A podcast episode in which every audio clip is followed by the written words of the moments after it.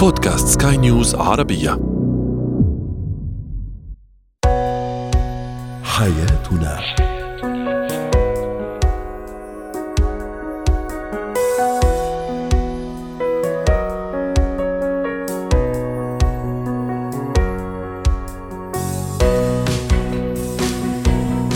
الكرام أهلا بكم معنا إلى حياتنا. فضاؤكم اليومي الذي يعنى بشؤون الأسرة وباقي الشؤون الحياتية الأخرى والذي يمكنكم الاستماع اليه عبر منصة سكاي نيوز عربيه dot com slash podcast وباقي منصات سكاي نيوز عربية الأخرى. شاركونا عبر رقم الواتساب 00971 561 88 62 23 معي أنا آمال شاب اليوم نتحدث عن الشريك نمط الطفل. التعامل مع الزوج نمط الطفل أو الزوجة أيضا نمط الطفل أو الطفلة.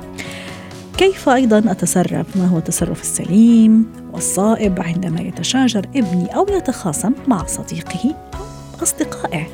وأخيرا في مهارات نتعرف اليوم على مهارة التعامل مع مدعي المعرفه هو وهي. هو كثير العصبية كثير الغضب قليل الصبر يحب أن تحدث كل الأمور كما أو كما يحب تماما دون صبر. يرفض الإنصات عندما يغضب. هل نتحدث عن طفل صغير؟ لا نحن نتحدث عن الزوج غير الناضج أو الزوجة غير الناضجة. أو ما يعرف بالشريك نمط الطفل الذي عادة ما يكون سريع الانفعال يلوم على معظم ما تمر به العائلة والأسرة. من مشكلات كيف نتعامل مع هذا النوع من الأزواج والزوجات؟ رحبوا معي بدكتور خليفة المحرزي رئيس المجلس الاستشاري الأسري. سعد أوقاتك دكتور خليفة أهلا وسهلا فيك. أنت أعطيت بعض ملامح هذا النوع من الأزواج والزوجات. فينا نحكي كمان على ملامح أخرى وتصرفات أخرى. ممكن راح تشي من البداية ونحن في مرحلة الخطوبة أو التعارف أنه هذا الشريك هو غير ناضج وعديم المسؤولية وراح يتعبني سواء زوج أو زوجة مستقبلا من أكبر الإشكاليات الموجودة اللي تواجهها الزوجة وجود هذا النمط من الأزواج اللي. نسميه إحنا الشخصية البارونية. الشخصية البارونية اللي هي الشخصية الحادة في طباعها سريعة الغضب، كثيرة الانتقاد، لغة الإسقاط السلبي الذي تمارس كل أنواع الإيذاء أو التجريح العاطفي أو التجريح الوجداني.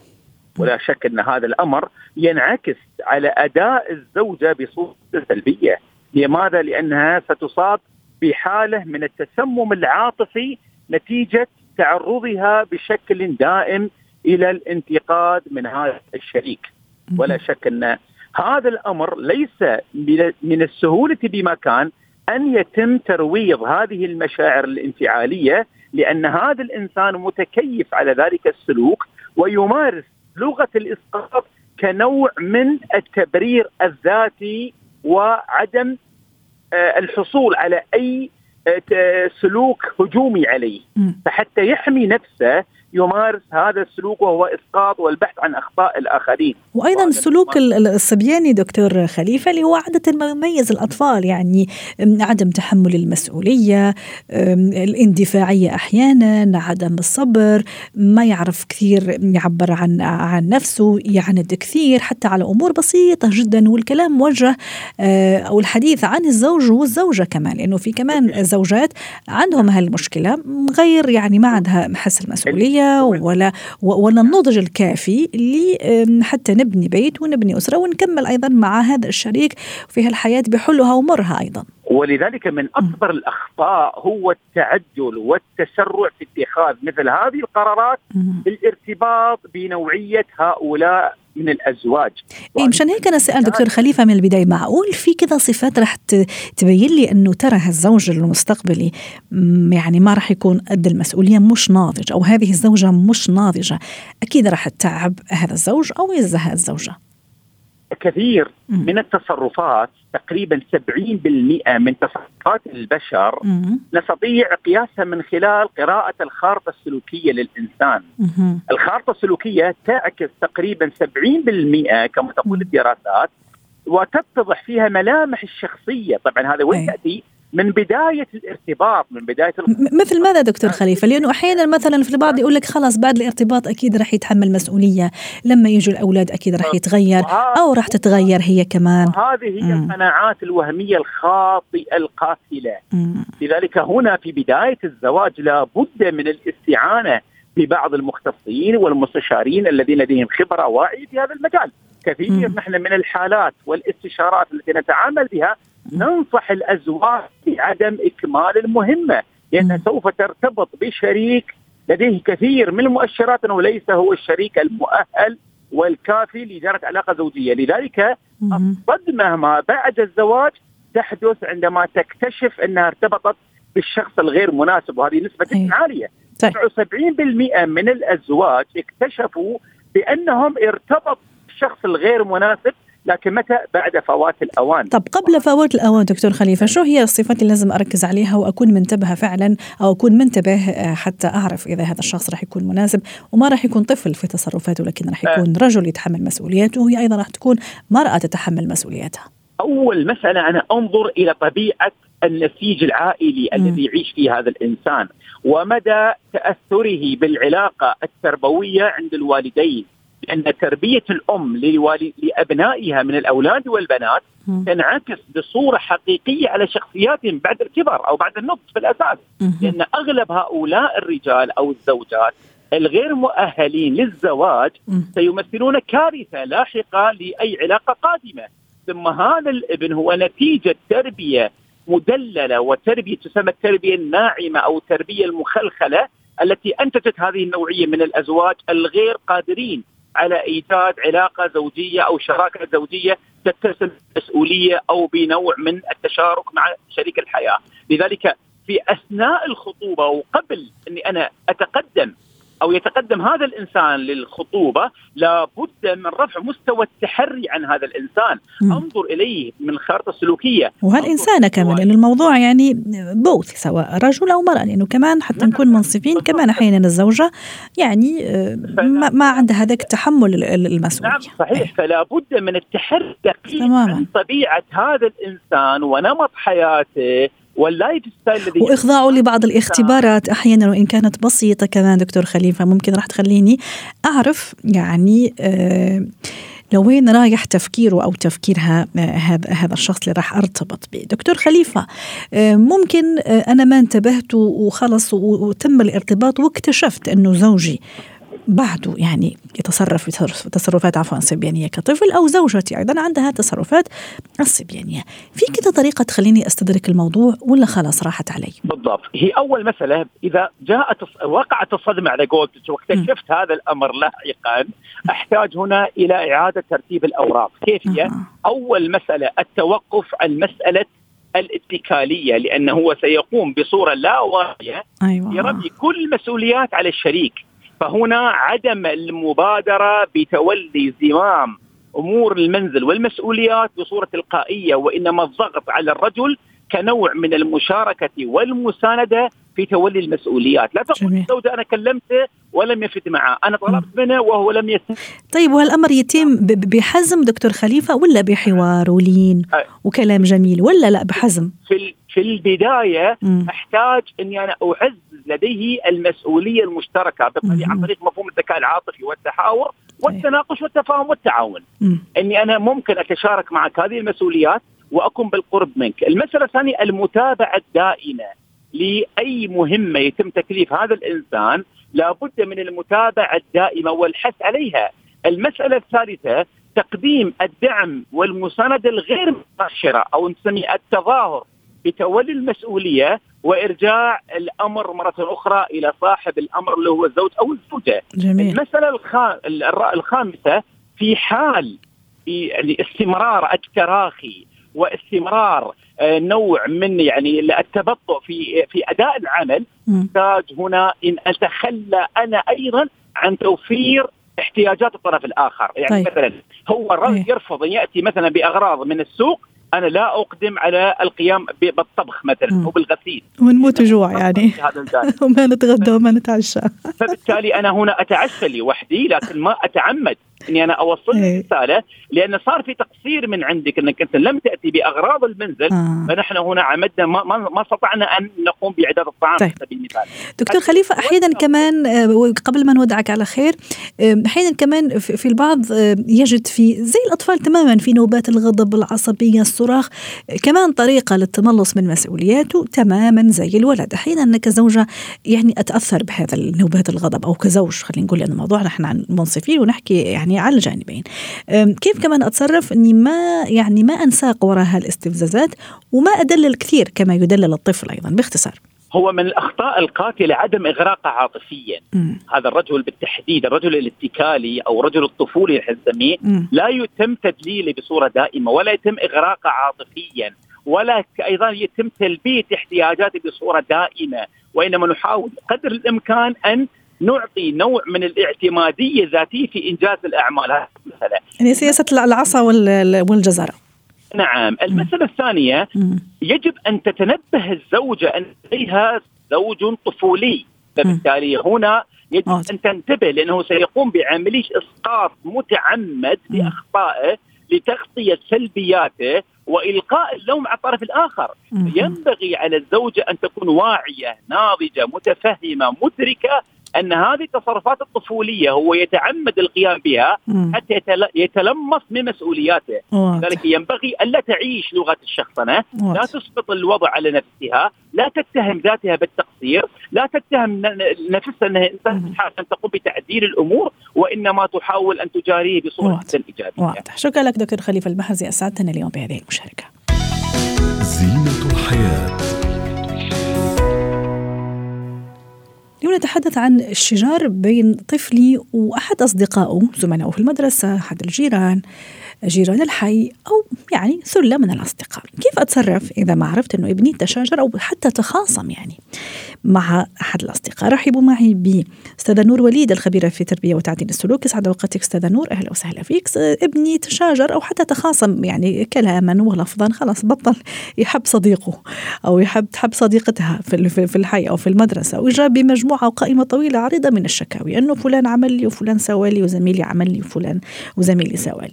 كيف أتصرف إذا عرفت أنه ابني تخاصم مع أحدهم. تخاصم أولا خصاما فقط وحينا لا شجارا. الشجار لابد منه من هم وصغار لابد في اختلاف بين الأطفال. واولها. بيصير بالبيت بين الإخوات. أي. بس في مثل دارج بقول لك آه، قاضي قاضي الأطفال شنق نفسه. من كثر ما بيكون في أطفال عندهم مشاكل والأهل يتدخلوا بالأخير بتلاقي الأطفال بتصالحوا قد ما هم بيكون بداية أعمارهم آه، آه، مشاكلهم بسيطة على لعبه على إنه ليش ما لعبني معه بتكون قد ما هم بداية عمرهم بالمشاكل بسيطة قد ما الأهل مرات بياخذوها أكبر من اللازم أو أكبر من الحجم. فعشان هيك حابة نحكي زي ما قلنا اليوم فكرة ال- ال- العمر بتلعب دور. شو نوع المشكلة لنقدر ما نوصل بالأخير إنه ما نخسر كمان الولد يكون نحسس إنه دائما يكون حساس.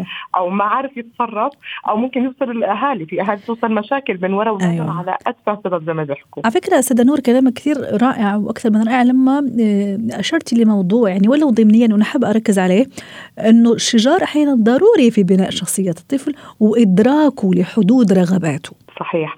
لأنه الطفل عموما لازم يواجه المجتمع لازم يلاقي أطفال غير متشابهين أولادنا مش متشابهين كيف يكون صديقه؟ فأكيد الجنسية بتلعب دور الأفكار بتلعب دور حتى ممكن يلعب مع اللي أكبر منه بسنة أو سنتين. فلا بد إنه يثبت ذاته. في طبيعة في خلينا نقول نوعين من الشجار. ممكن نقول الأطفال اللي حابين مين يبدأ أول باللعب أو أخذ لعبة الثاني فهاي بدها نوع من التوجيهات أكثر. عشان يخففوا من هاي المشاكل. وممكن تكون بعض المشاكل إنه ممكن سلوك الطفل اللي بيلعب معاه شوي عصبي شديد ممكن ضربه من غير قصد أو ممكن تلاقيهم مرات بتشاجروا أو بيلعبوا بطريقة اللعب اللي بيشوفوها مرات على طريق الكرتون أو ترند مم. ممكن تكون شوي صعبة حتى يعني بتصادف أنا مرات أولاد لما أشوفهم بالشارع بتضارب بقول لك إحنا ما بنضرب بعض إحنا بنلعب ومش فاهمين انه هذا. الضرب ممكن يأذيهم وإذا كانت الضربة قوية لو من ولد لولد جسمه أقوى من الثاني ممكن توصل الضربة لأذية بس هم. بيشوفوا حالهم إنهم هم عم بيقلدوا بعض صح. الكرتون أو الترند التيك توك اللي عم بيشوفوها الاطفال. بيلعبوا فاللعب بيتحول زي ما قلتي لشجار طيب. أستاذة نور خلينا نروح للخصام أولا. أحيانا ابني يرجع من من المدرسة مثلا وزي ما قلت قائمة طويلة عريضة يذم ويشتكي من زميله اللي كان أعز أصدقائه. عمل لي فعل لي هو مش كويس هو مدري إيش كذا كذا كذا كذا. آه، كيف أتصرف؟ هل في مثلا مجموعة أسئلة لازم أسألها أهدئ من روعه ولا أخليه هو مع نفسه يتراجع عن القرار؟ ثم نروح إذا بلغني ولا بلغني إنه هو تشاجر يعني بضرب. خلينا نبدأ بالخصام. هلا غاية الطفل لما يشكي لأهله هو بده حقه. فإحنا لازم نوجه الطفل أول إنه إحنا ما حابين نتدخل هو لازم يحل مشكلته أول بأول. بغض النظر شو كانت طبيعة المشكلة فلازم نحكي له إنه نحن حنسمعك إحنا حنوجهك وبدك تقول لنا شو حيصير بعدين. فحيجي مثلا نقول له شو كان طبيعة المشكلة؟ طب روح واجهه احكي شو الصح شو الغلط اتفقوا مع بعض إذا كان مثلا بين شخصين أو أكثر فلازم نحن نوجههم ويتعلموا المواجهة لأن إذا بكرة آه. إحنا كل شيء أول باول نتدخل على كل مشكلة حيصيروا اتكاليين. وممكن إحنا بكرة نفوت على مشاكل يعني زي ما حكيت إنه يتدخل الأهالي على مشكلة كثير بسيطة وبالأخير حيصير آه افتراق. إحنا ما حنوصل للاولاد إنه يفترقوا أكثر من يكونوا مصلحين ويفهموا كل واحد يفهم وجهة نظر الثاني. بس أكيد بدون شك أنا عندي قناعة تامة صراحة في هذا النوع من من الحوار اللي يصير بيني وبينه. أكيد راح أتعرف كمان على ملامح من شخصية طفلي. كيف يفكر شو شو نواياه لأنه دائما يعني في هذا النوع من الخصام والشجر إثبات الذات أحيانا فرض الرأي الرغبة في الزعامة والتزعم المنافسة وطبيعته هو أيضا كطفل. ما هي السلوكيات الاجتماعية لابد إحنا نكتشفها مع الطفل لما هو يواجه. فبهذه الطريقة زي ما انت حكيتي مضبوط. هون وقت بنقول له إنت هذا التصرف مثلا ممكن أطفالنا هم يكونوا غلطانين. مش شرط هو الطرف الآخر يكون غلطان. صحيح. ممكن إحنا أطفالنا يكونوا غلطانين. تماما. لازم نوجههم بالط... بال... بالقواعد السليمة السلوكيات السليمة. يعني نيجي نحكي إنت هون كنت أناني إنت لازم كمان تروح تعتذر لو كان هو غلطان. مم. لازم أقول له روح اعتذر له إنك إنت كنت غلطان. مش لأنه هو بس يجي يشكي ما بقول لك أنا غلطان. هاي يقول لك أنا زعلان أنا متضايق آه اتخانقت معهم فلما نسمع منه فساعتها لو كان كمان غلطان لازم هو يعتذر وبالمقابل لو كان في سوء فهم حنقول له روح واسمع منه. ممكن يكون فهم إذا شاف في شجار خلينا نقول مش شجار على الألعاب ممكن تنافسي أو إنه بالصف في تنافسيات أو نوع من المحاولات. فلازم يكون في مواجهة أيوة. نقدر نخلي الولد هو يقدر يثبت ذاته ويفهم شو الصح وشو الغلط. أستاذة نور آخر نقطة. مثلا إذا رجع وغضبان وعنده كم كبير من خلينا نقول مشاعر سلبية جدا تجاه زميله. حين ممكن ابني هو المخطئ على فكرة زي ما تفضلتي. أو مثلا يعني يبدي مثلا يقول كلمات مش لطيفة مش حلوة. على الطفل هذا على زميله. أه كيف أتصرف؟ باختصار. طبعا لازم يهدى لأنه أي طفل بس بيكون آه، بحالة غضب ما راح يسمع ويركز. أنا يعني ممكن خليه يهدى ويروح أقول له راح أسمعك لما تكون رايق. لما يروق وقت بيجي المناسب أسمع أقول له أنت قول لي شو صار. وممكن بعد ما أسمع شو اللي صار معاه بعدين أقول له هل أنت هيك تعاملت معاه مع الطرف الآخر إنك أنت غلطت وشتمت؟ بغض النظر إذا هو شتم إحنا لازم ما نشتم. نعول نعلم أطفالنا في فرق. ممكن يكون الشجار يوصل للضرب أو للشتيمة. في هي من أنواع الشجارات بتصير. أنا بحب احفز إنه الطفل ما يضرب أكثر مثلا يدافع عن نفسه. واحكي له آه إذا بدأ يعيدوا عليك بك دفاعا عن نفسه وليس الشجار. أو إذا كنت أنت غضبان يفضل إنك تبتعد عنه وتسحب نفسك. فأنا لازم أشجعه إنه هذا السلوك ما لازم يعمله مع الأولاد بغض النظر إنه بده ياخذ حقه إنه هو يتصرف بلباقه وإنه يبعد هون بيكون قيمتك أكبر من إنك أنت تتواجه مع الأطفال تتعامل معهم بنفس الطريقة أو بنفس السلوك. لأنه بالأخير الأولاد الآخرين لا هم نفس تربيتنا أو نفس الطريقة اللي بنعلم فيها أولادنا. رح نركز على أولادنا أكثر ما بنركز على أولاد الغير. فإحنا نفضل لما يكون معصب إحنا نحاول ما يتعامل بهي الطريقة واضح. مع الأولاد اللي حواليه. شكرا لك أستاذة نور وليد أسعدتينا بهذه المشاركة. مهارات الحياة. لا شك أنه لما نكون في محيط فيه شخص يدعي المعرفة في كل شيء هو أمر مزعج. للحديث عن هذا الموضوع رحبوا معي بيلانا قاعاتي مدربة مهارة حياة سعد وقتك يا لنا. أتصور مثلك مثل حضرتك من كثير من الأشخاص. يعني إلا ما التقينا بشخص يفهم في كل شيء أو يدعي أنه يفهم كل شيء فيزياء طب علم تكنولوجيا دين فلسفة تاريخ كله كله كله يفهم بكل شيء. وما يحب أنك تغلطيه مثلا أو تناقشيه أو يعني تجادليه أكيد الأمر مزعج من دون شك. كيف أتعامل مع هذا النوع من الأشخاص؟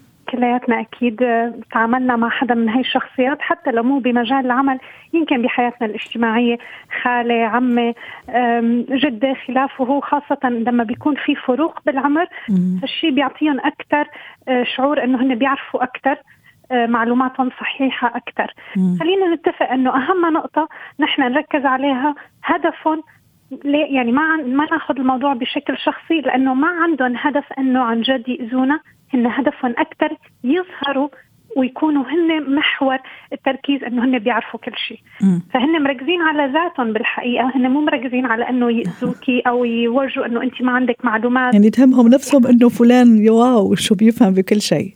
هذا هو هدفهم إنه يكون كل التركيز والإضاءة عليهم وياخذوه منك بس ما بيهمهم فعلا إذا أنت بتعرف أو ما بتعرف.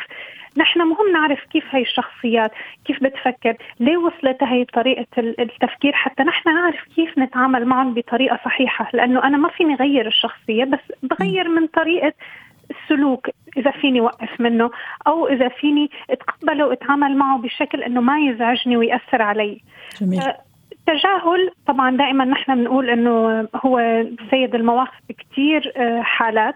فممكن نتجاهل إذا سلوكهم ما عم بيعمل لنا ضرر خاصة بالمجال العملي.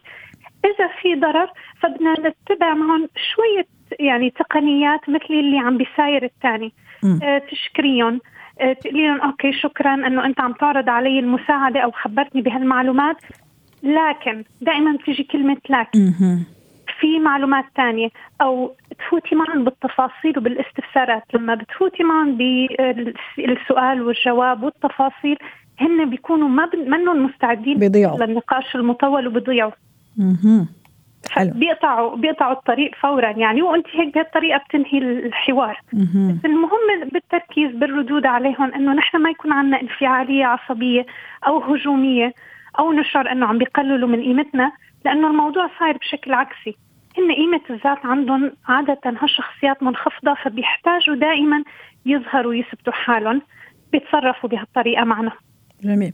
في البعض مثلا كمان في, في, في هذا المجال دائما مجال التنمية البشرية يقال إنه كمان الطريقة الجميلة للتعامل معهم هو حس الفكاهة كمان. يعني إظهار روح الفكاهة الدعابة أثناء التعامل مع النوع من الأشخاص. ضروري ممكن يأثر كمان أو يخفف عفوا الشعور بالضغط خاصة إذا كنا مثلا أكثر من شخص كنا مجموعة. أكيد طبعا خاصة إذا أنت متعود على الشخص وصرت بتعرف إنه هو بكل المواقف فورا حينط لحتى يجاوبك نفس الجواب. فبتصير تحاول إنك ترد عليه بشكل لطيف تخفف من الجو حتى ما يحس إنه آه، هو كمان ثقيل بطريقة عدائية إنه أنت عم ترد عليه بطريقة عدائية. أو أحيانا ما تنسي يعني لغة الجسد لما يكون في أشخاص موجودين حتى لو ما رديت مجرد أن أنت تنزعج فورا ببين على الوش والمحيط بصير حاسس وعرفان. هالشيء بيحطه كمان بموقف يعني غير لطيف. صحيح. أيضا الشخص لما يكون مسلح بحقائق بمعلومات هل هذا مثلا يزعج هذا الشخص المدعي المعرفة ولا لا؟